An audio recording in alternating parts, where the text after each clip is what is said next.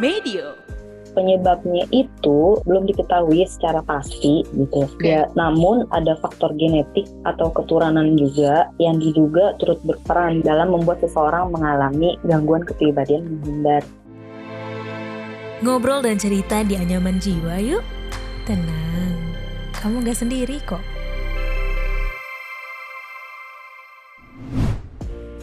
Halo kamu, apa kabar? Kenalin, aku Iko Anata. Kali ini selamat datang di podcast Anyaman Jiwa. Nah, ngomongin kesehatan mental lagi nih ya, Sobat Medio. Jadi, pernah gak sih kalau lu tuh ngerasa malu gitu kan? Mungkin sebenarnya itu normal-normal aja gak sih kalau kita tuh suka malu gitu ya. Tapi ternyata kalau misalkan rasa malunya itu berlebihan terus dibarengin sama rasa takut kayak gitu ya. Jadinya tuh ada penolakan atau menghindari kritik dari orang lain gitu. Jadi kamu tuh ngerasa wah gue harus waspada gitu ya. Apakah kondisi itu atau tanda-tanda itu termasuk avoidant personality disorder? Nah lo apa itu? Gangguan kepribadian menghindar. Wah ada lagi nih ya.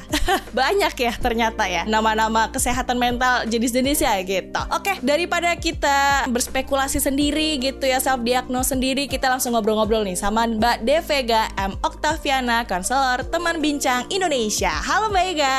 Hai. Mbak Ega, aku mau nanya nih. Tadi kan aku udah sempet mention sedikit gitu ya tentang gangguan kepribadian menghindar. Waduh, banyak ya ternyata ya ada lagi. Boleh dijelasin lebih lengkapnya nih nggak Mbak? Sebenarnya tuh apa sih gangguan kepribadian menghindar itu? Oke, jadi gangguan kepribadian itu ada tiga klaster ya gitu. Nah, gangguan kepribadian menghindar itu termasuk yang klaster ketiga atau disebut klaster C gitu. Nah, individu dengan gangguan klaster ini tuh sering kali tampak cemas dan takut gitu. Nah, menurut American Psychiatry Association dalam buku Diagnostic and Statistical Manual of Mental Disorder gitu atau DSM gitu, uh, gangguan kepribadian itu yang melibatkan pola perilaku yang bertahan lama terkait dengan hambatan sosial gitu, perasaan hmm. tidak mampu gitu, kepekaan yang berlebihan terhadap penolakan ataupun kritik gitu. Individu gangguan ini sangat takut akan kritik dan penolakan dari orang lain sehingga cenderung menghindari pekerjaan atau hubungan yang melibatkan kontak interpersonal gitu untuk melindungi diri dia sendiri gitu. Dalam situasi sosial mereka juga sering merasa terkekang karena sangat takut gitu akan mengatakan sesuatu yang bodoh gitu atau misalkan melakukan sesuatu hal yang bodoh gitu, merasa mm -hmm. malu gitu dan sering kali menunjukkan tanda-tanda kecemasan gitu. Individu dengan gangguan ini tuh memiliki keyakinan bahwa orang lain akan memberikan tanggapan ataupun respon seperti yang ia yakini gitu. Lebih tepatnya yakin bahwa orang lain tuh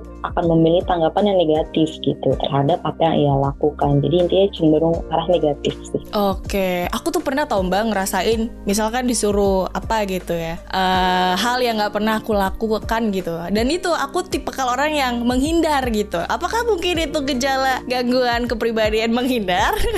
Berarti belum tentu ya mbak ya? Iya jadi self diagnose Oke, selain itu apa aja gitu Mbak gejala yang menandakan memang seseorang itu mengalami gangguan kepribadian menghindar gitu? Gejalanya dalam DSM-4-TR itu satu menghindari kontak interpersonal karena takut hmm. terhadap kritikan ataupun penolakan. Okay. Nah, dua keengganan untuk menjalin hubungan dengan orang lain kecuali dirinya pasti akan disukai gitu. Nah, ketiga membatasi diri dalam hubungan intim karena takut dipermalukan, diperolok gitu. Empat penuh ke kekhawatiran akan dikritik atau ditolak gitu. Merasa lemah nih gitu terus merasa rendah diri gitu. Terus yang ketujuh keengganan ekstrim untuk mencoba hal-hal baru karena takut dipermalukan gitu. Nah menurut DSM ini pokoknya tadi yang aku sebutin itu minimal empat lah ada gejalanya gitu. Nah tapi hmm. tetap ya tiap orang-orang tuh beda-beda gitu jadi nggak bisa generalisasikan lagi. Terus apa aja gitu mbak yang melatar belakangi itu seseorang mengalami gangguan kepribadian gitu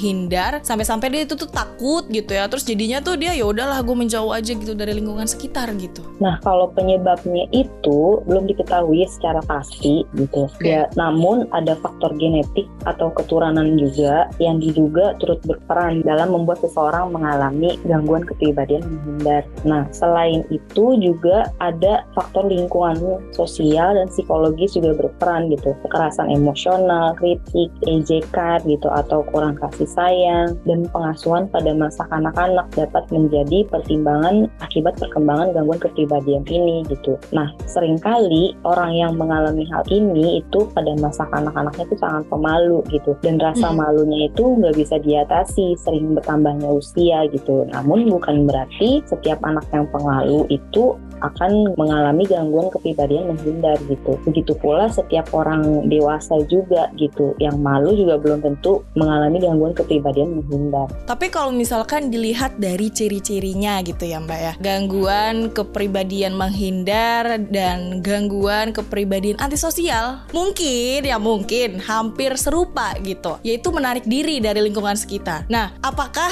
gitu ya dari ciri khusus tadi itu yang membedakan kedua gangguan ini Mbak? Atau mungkin mungkin ya beda lagi gitu. Kumpulan cerita kriminal dari majalah Intisari.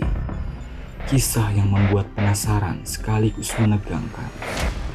Tunggu cerita selengkapnya dan episode terbaru setiap hari Selasa di Spotify dan hari Kamis di Noise. Saat semuanya sudah terlambat.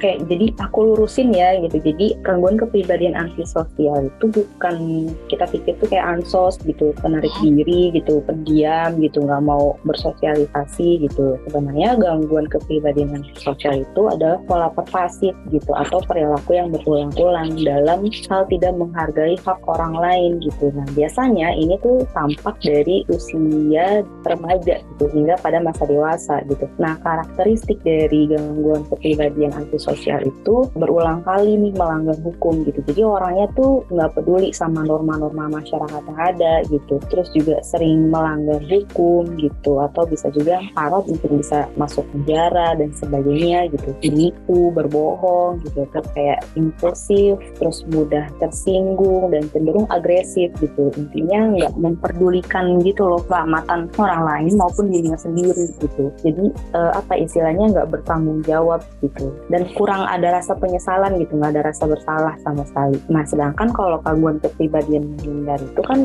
emang dia menarik diri karena menghindari hubungan personal kan gitu. Karena mm-hmm. takut dikritik gitu takut ditolak tadi gitu dan takut uh, menghindari konflik dalam berelasi gitu. Jadi dua hal yang sangat berbeda gitu. Mm. jadi nggak ada yang sama.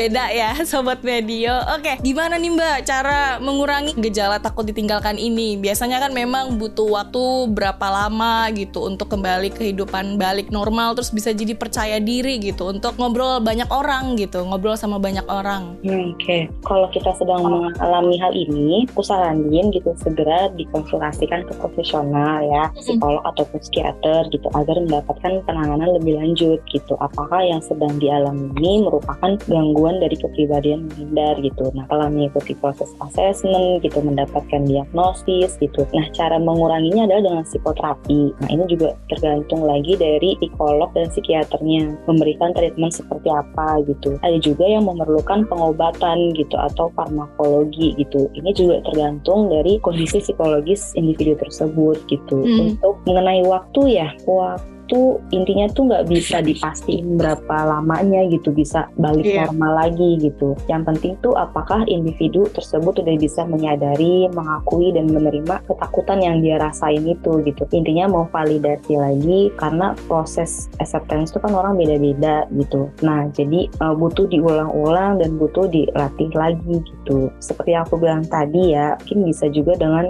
journaling lagi gitu. Ditulis lagi apa aja yang sedang kita rasain gitu ketakutan apa aja gitu. Terus abis itu gimana responnya apa gitu. Terus hmm, bagaimana cara kita dalam menghadapinya gitu. Selain itu juga belajar untuk mengungkapkan atau mengkomunikasikan ketakutan kita yang kita rasain ke orang terdekat gitu. Oke. okay. Sip apa aja gitu mbak dampak baik dan buruknya kalau misalkan gangguan ini tuh nggak segera dikonsultasikan gitu ya sama para ahli gitu terus bagaimana kondisi gangguan ini bisa berdampak berdampak pada hubungan kita dengan lingkungan sekitar, Mbak? Kalau gangguan itu udah pasti dampaknya cenderung negatif ya gitu. Dampak dari gangguan ini tuh bisa mempengaruhi masalah psikologis lainnya gitu, seperti depresi gitu, mungkin serangan panik, kecemasan gitu, atau sebagainya gitu. Dampak bagi hubungan kita dengan lingkungan sekitar biasanya terlalu cenderung independen gitu, nggak mau terlibat uh, hubungan personal meskipun ada, tapi dari kita itu ada batasan, jadi nggak percaya 100% gitu. gitu. Ah, oke. Okay. Nah, kalau misalkan ya Mbak, dari sisi kita sebagai teman yang mempunyai teman mengalami uh, gangguan kepribadian menghindar gitu kan. Sebenarnya apa yang kita lakukan untuk mendukung mereka gitu, biar mereka tuh bisa balik lagi untuk ngobrol-ngobrol seru-seru lagi sama kita gitu. Yang pertama, mm, menanyakan kabar gitu. Itu penting banget ya buat cross check gitu ke teman-teman sekitar gitu. Apakah uh, individu tersebut kondisinya sedang baik-baik aja atau enggak. Terus yang kedua, tawarkan bantuan gitu. Apa sih yang sedang dibutuhkan dia saat ini gitu. Apa yang aku bisa bantu buat kamu gitu. Terus biarkan dia bercerita gitu. Jadi dengerin gitu tanpa menghakimi ataupun memberi saran gitu tanpa diminta ya gitu. Yang ketiga, あ! Nggak mm, maksa gitu untuk bercerita gitu. Jadi biarin aja udah dia cerita duluan gitu. Kalaupun nggak mau juga oh ya udah nggak apa-apa gitu. Yang penting kita katakan sama dia gitu. Jika butuh bantuan bilang aja ya gitu. Aku ada di sini kok untuk kamu gitu. Yang terakhir pasti saranin untuk ke profesional gitu. Tawarin juga sama teman kita itu apakah perlu kita temenin gitu. Jadi sehingga dia nggak merasa sendirian gitu. Jadi ada support sistemnya hmm, oke. Okay. wah itu bisa ya bisa dicontoh ya sobat medio ya cara-cara tersebut kalau misalkan punya teman yang mengalami gangguan kepribadian menghindar. Nah terakhir nih Mbak Ega ada nggak pesan buat sobat medio atau pendengar anyaman jiwa lainnya yang mungkin merasakan gejala gangguan kepribadian menghindar ini? Silahkan Mbak Ega. Oke sama intinya nggak self diagnose juga gitu. Jika sedang merasakan hal ini ada baiknya segera minta pertolongan ke profesional gitu. Sama biasain juga nggak menelan mentah-mentah informasi yang didapat.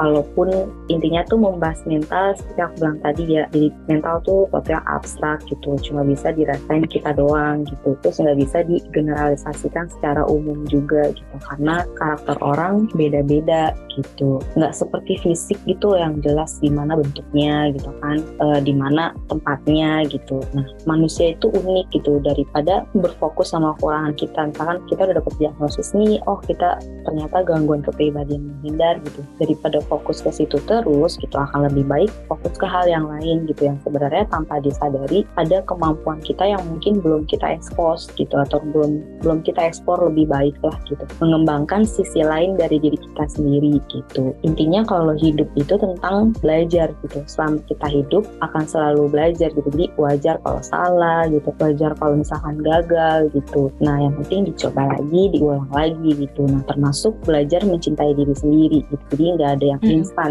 gitu. Oke siap kalau gitu. Terima kasih banyak buat Mbak Ega.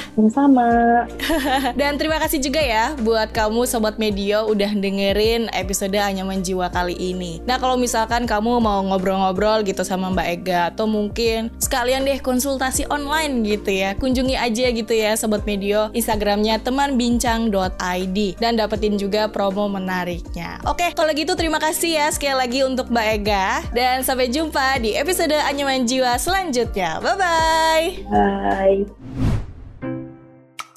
Ya, udah selesai episode kali ini. Tungguin episode Anyaman Jiwa selanjutnya ya.